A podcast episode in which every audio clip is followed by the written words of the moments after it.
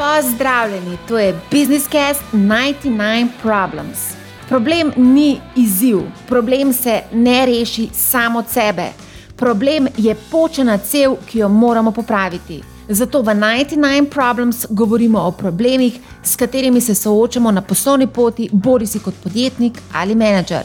Sem Marja Milič, direktorica strategij in poslovnega razvoja v Capital Genetics, ustvarjalec finančnega podcasta MoneyHow ter sonavigatorka v odprtem ekosistemu znanja businessspace.com. Pridruži se mi v lovu za praktičnimi rešitvami. Ta mesec v 99 Problem začenjamo z mini serijo Šola za vlagatelje tveganega kapitala, kjer bomo govorili o problemih, ki jih morajo razumeti vsi tisti, ki bi želeli investirati v zagonska podjetja, pa niso prepričani, kako se tega lotiti. Ravno s tem namenom se bo od 2. novembra do 3. decembra odvila brezplačna šola za vlagatelje tveganega kapitala. Udeleženci šole bodo izvedeli, kako poiskati prave priložnosti, kakšne so lahko tveganja, kako oceniti vrednost zagonskega podjetja, koliko kapitala pravzaprav potrebujemo, pa tudi kakšna znanja so potrebna, da pod črto kot vlagatelj ustvarimo lepe donosnosti. Več informacij o vsebini in programu dobite na spletni strani www.solazavlagatelje.com. Odgovore, praktične rešitve in dragocene lekcije boste dobili od izkušenih vlagateljev in strokovnjakov. Šolo izvaja ABC Accelerator v sodelovanju s South Central Ventures, financirajo poslovenski podjetniški sklad v sklopu Startup Plus programa. Več informacij o vsebini in programu dobite na spletni strani www.solazavlagatelje.com. Nekaj angelskih investitorjev boste spoznali tudi v podkastu 99 Problems. Z njimi se bomo pogovarjali o izzivih, s katerimi se soočajo pri to vrstnem investiranju. Zanimivo bo, zato nas poslušajte. O investiranju v zagonska podjetja se bom pogovarjala z izkušenim serijskim podjetnikom in investitorjem Aljošo Domijanom, ki je med drugim tudi partner v podjetju Gambit Trade, ki upravlja eno največjih slovenskih spletnih trgovin 1a.com. Aljoša je tudi lastnik in direktor podjetja Aguatera, ki deluje na področju sebinskega marketinga, je predsednik organizacije G plus Quant, ki povezuje investitorje ter start-up podjetja, svoje znanje in izkušnje pa deli tudi kot aktiven mentor v ABC pospeševalniku. Zdravo, Ljoša. Živijo. Sem vse povedala ali bi mogoče še kaj dodal? Ba še preveč si povedala. Še preveč.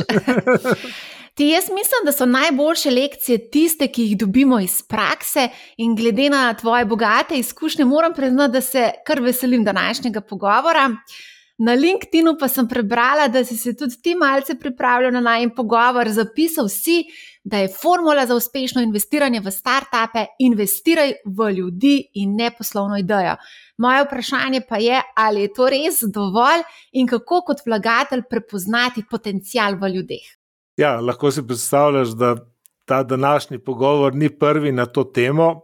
Predvsej ljudi me je spraševalo, kako uh, priti do te formule, izbrati pravo podjetje, v katerega boš uh, investiral. Ne?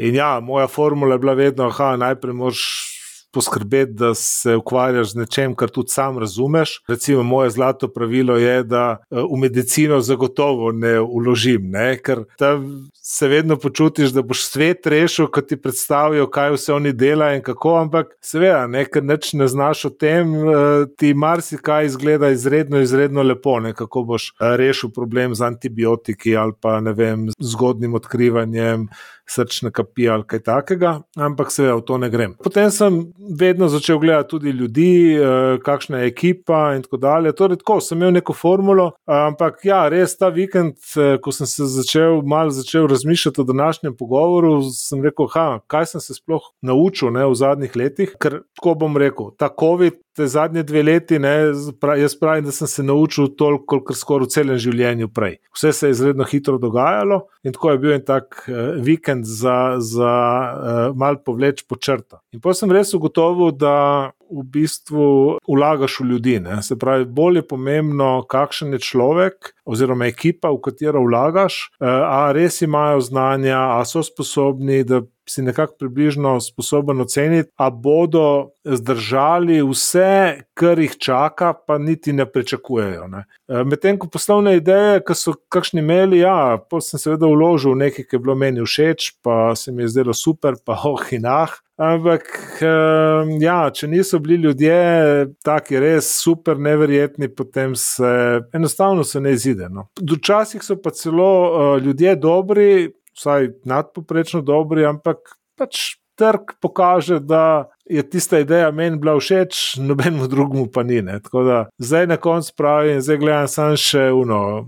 Ljudje, ljudje, ljudje. In kakšne so karakteristike teh ljudi, kaj morajo imeti v sebi, neko strast, neko, nek pešen? Mislim, ja, definitivno je to pešen, ne, to prav mož videti, da so zaljubljeni v tisto svojo idejo, bi jaz rekel, da so pripravljeni vse za to narediti. Druga lasnost pa je, da so ustrajni, zdržljivi, da enostavno ne, ne odnehajo, ker pravzaprav, uh, ja, sej, to je en biznis, kjer na koncu govorimo o enorogih, ne, tako da lahko rečemo, da smo malo v pravljicah. In uh, v resnici start-up vedno pride v neko točko, ko vse izgleda črno, eh, ni denarja, vse je katastrofa. In če, če gre ekipa čez to in preživi, potem dejansko uh, gre naprej. Imel sem recimo enega, ki je uh, tako v San Franciscu preživel tri mesece, pa mislim, da ni imel več kot 300 dolarjev. Naprimer. To je, ne? in ja, danes je uspešen. Ne? Tako da ni odnehal. Marsikdo je prišel tja s 100 tisoč dolarji, pa pol nekaj ni šlo, pa uno, pa seveda tam denar hitro porabiš, če ga imaš. Ne? Pa so se pol čez pol leta vrnili, ja, ni šlo. Uh, ni, ta je recimo ustrajal, ustrajal in, in mu je ratalo. No. A greva se vrniti malo v preteklost, nam lahko razkriješ, kako se je v bistvu začela sploh tvoja pot angelskega investitorja, ter zakaj si se v bistvu odločil za to vrstno investiranje.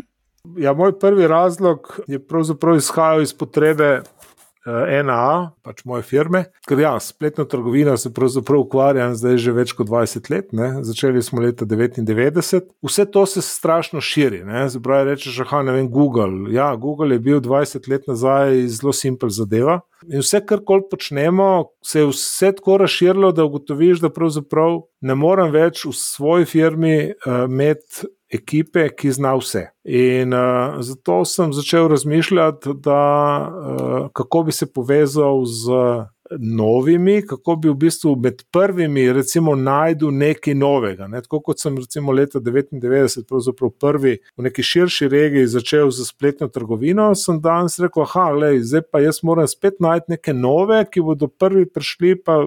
Omogočili, da bom z NAA poskusil tudi jaz nekaj novega. In to so seveda start-upi, take ljudi ne moreš zaposliti. Ne? Tako da sem se potem odločil, da jih preko start-up scene začnem iskati, investirati v njih in najdem kaj. Eno je pač tisti dobiček, ne? da recimo, če najdeš. Kakšno uspešno zgodbo. Drugo je, da lahko razvija MNA, se pravi, da prihaja novo znanje bolj hitro. V, ja, v koliko naložbah si pa trenutno investiran kot vlagatelj? Ma, trenutno sem šel po moje devetih, desetih, bil sem pa na osemnajstih. No. Ali lahko mogoče razkriješ, katere so to naložbe? Tiste, ki so nekako najbolj, vsaj pričakujem, da bodo exiti najboljši, to je eh, recimo Sinvaro, to je ena avstrijska firma, potem so, ki se ukvarja z. Imajo super aplikacijo za povezovati uporabnike in eh, podjetja eh, za oskrbo z vodo. No in so se že zelo razširili, praktično pokrivajo celo Avstrijo, so že v Nemčiji. Mislim, imajo res lepo rešitev, ki jo ljudje lepo sprejmejo. In čeprav zgleda en takšen tradicionalen biznis, so uspeli to start-up zgodbo tja pripeljati. Potem sem investiral v eno nizozemsko firmo Ulu, ki se ukvarja z softverjem za in rešitvami za upravljanje z, recimo, leasing hiše, ki oddajajo avtomobile v najem, da lažje kontrolirajo vse avtomobile, kaj se z njimi dogaja, ali so potrebni servisa, ali ne, kje so in tako dalje. Ali pa za renta kar podjetja, se pa tiste, ki oddajajo avtomobile. se pa splača tudi med kakšnemu uporabniku, ne na zadnje, eh, ni drago, vem, mislim, da pride nekaj več kot 100 evrov na, na leto. In v bistvu vedno veš, kje je tvoj avto. Torej, če ti ga ukradejo, pravzaprav vsaj veš, mislim, imaš večjo šanso, da ga najdeš, če si seveda dovolj hiter. To, potem sem šel v eno slovensko firmo, ki se ukvarja z softverjem za upravljanje hotelov. Ti so imeli zdaj v času COVID-a, sicer so malo dol padli, ne? ampak ja, so znali to izkoristiti. No, to je tisto, ko pravim, ljudje. Ne?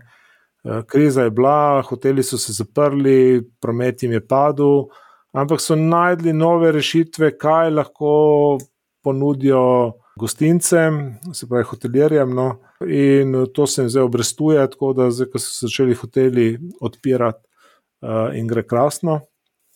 Uložil sem tudi v eno podjetje Hyperion, ki dela v Angliji, ki dela igrice. To je ena skupina mladih, eno igro so naredili, tisto je že kar uspešno. Tako da, ja, uložil sem ne na zadnje tudi v ABC pospeševalnik, uh, sem pač eden od partnerjev. Tako da, ja, to so recimo take. Zanimive naložbe, mogoče ta trenutek, ki mi prve padejo na pamet. Zdaj, marsikateri vlagatelj se na tem mestu sprašuje, kakšni vložki so potrebni za to, da sploh vstopiš kot angelski investitor v takšne naložbe. Lahko mogoče to razkriješ. Ja, zdaj tako je. Eh, za une, ki so, eh, ki so ali pa smo, tudi sam sem včasih tak, eh, bolj previdni. Lahko greš v neko vložbo, v naložbo skupaj s partnerji. Recimo. In potem je mogoče dovolj tudi samo 5000 evrov.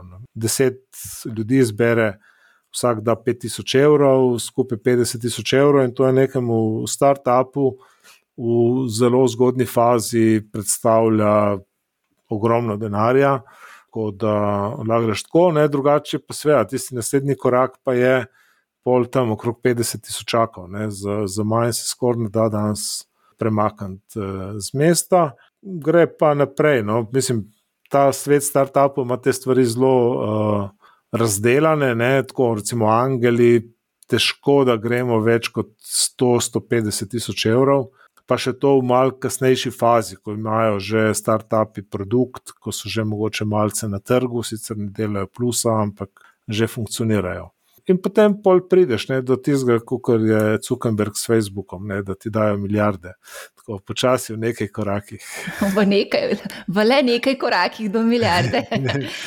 ja, se jih ne more biti tost. Ne. Pol prideš, ne vem, naslednji korak so ti fondi, ki dajo po ene 200, 300 do 500 tisoč evrov, potem so tam milijon do 2 milijona, 5 plus, 10 plus.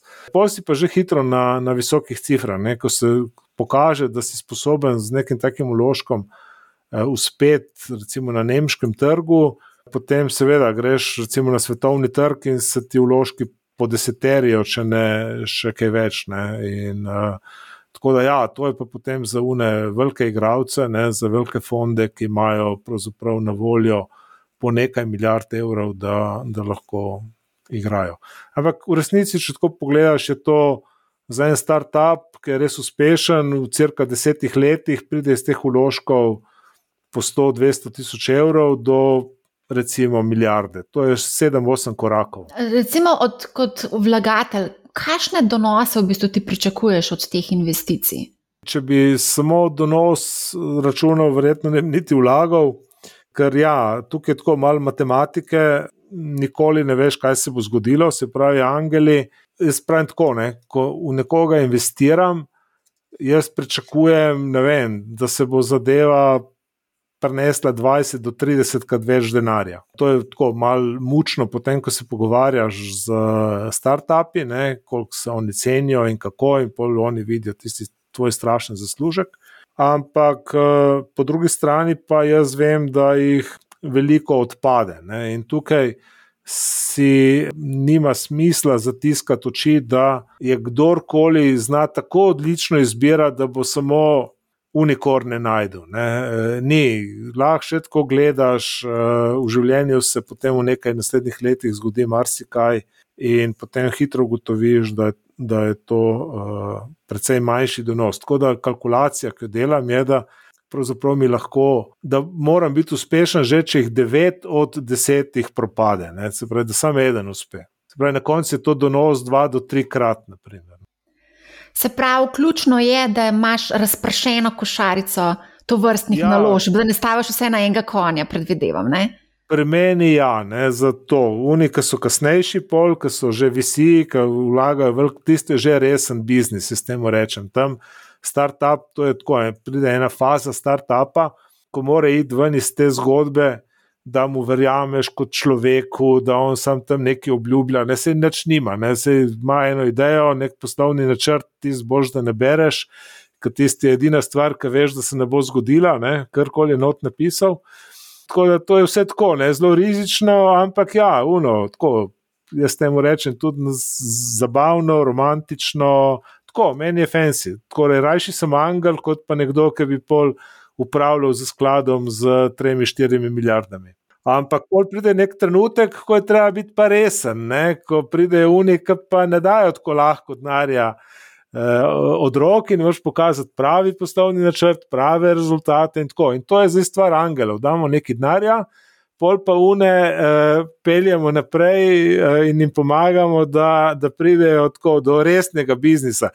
Pravzaprav do une točke, zaradi katerih sploh ne bi šli v biznis, ker so vedno eni si mislijo, da bo cel life tako na izi. Ja, ampak vseeno, kako pa oceniš smiselnost naložbe? Zdaj si rekel, da zapreš tisti poslovni načrt in ga ne gledaš. Kako pa oceniš? Ja, oceniš enostavno, mislim, moja ocena vedno se pravi, ali je vreden, ne? vedno probam si. Tako, jaz v svoji glavi imam neko sliko sveta čez deset let, naprimer, ne? kaj bo. In potem si probaš zamisliti, da bodo ljudje to takrat potrebovali. In ti ljudje, ki danes vstopajo na trg, ne, ker pač oni, ki, smo, ki so starejši, verjetno ne bodo kupovali takih novih stvari.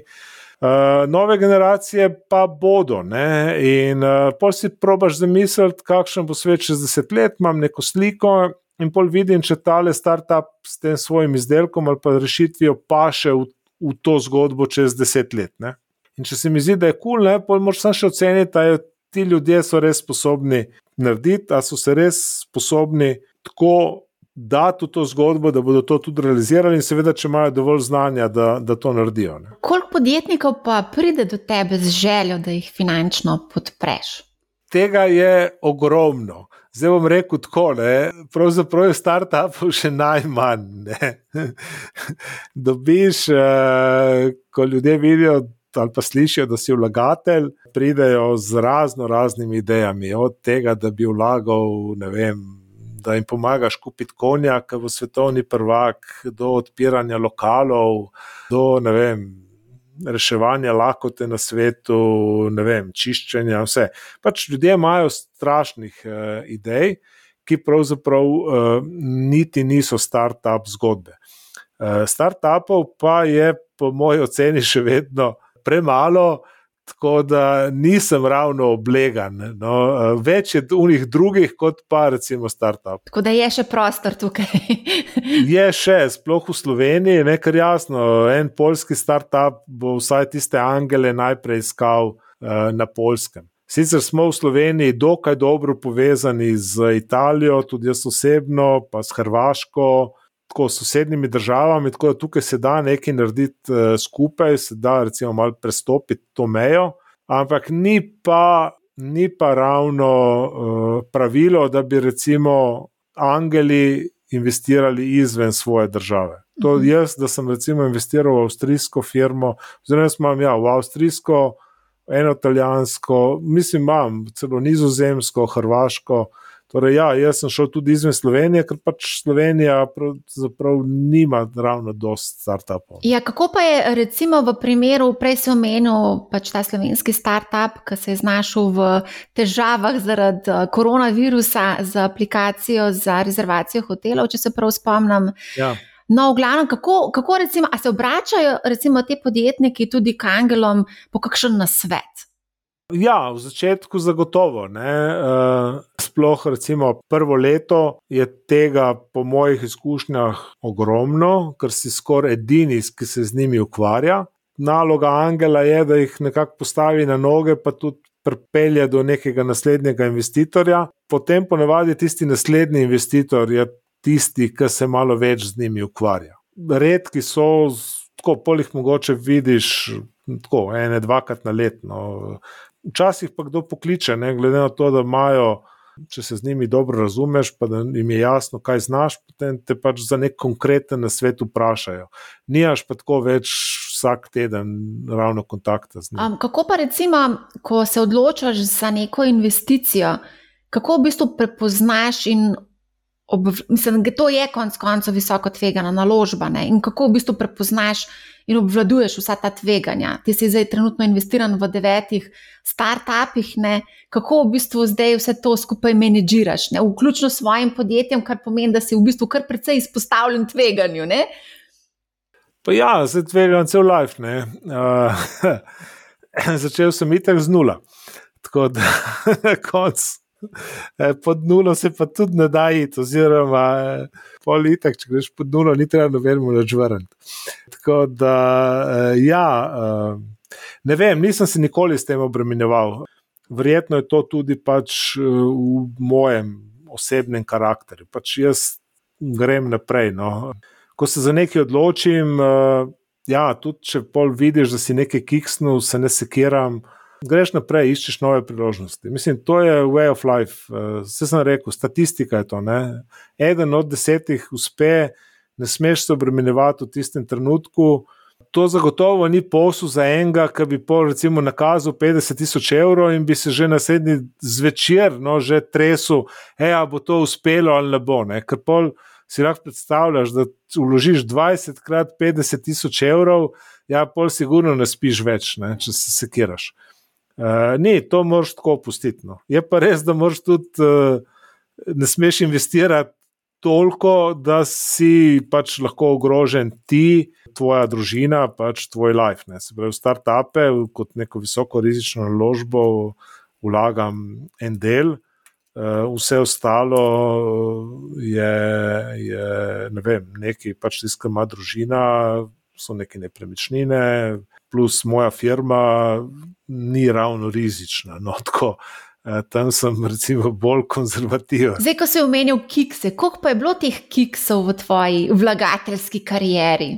Glej, od teh, recimo, ne, če smo začeli, mislim, da z 18, pa da jih je zdaj 9, ne se pravi, 9 jih je ostalo, od teh 9 je bilo 7 kiksov, ne, 2 sta pa uspeli. No, se to je pa kar bolj, to je boljše od statistike, poprečne statistike. Boljše od statistike in tako je, od teh preostalih 9 jaz računam, da bo, ne vem, jih vsaj 5 uspelo, no, tako kot zdaj ta trenutek kaže. Ne. Tako da v bistvu ni slabo. Zdaj, tukaj moram reči, da sem imel malo sreče z ABC-jem.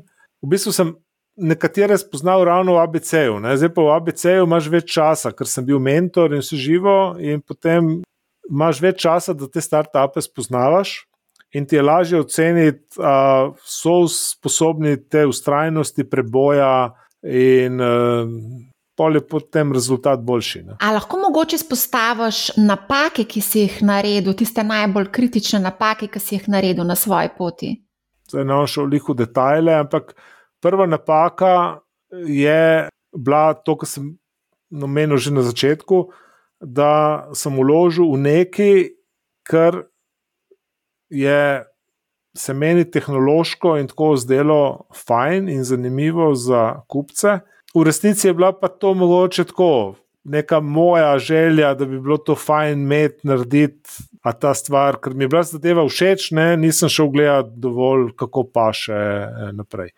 Druga napaka je že ocenjevanje ljudi, to se naučiš ogromno. Največja težava je, kako oceniti ekipo.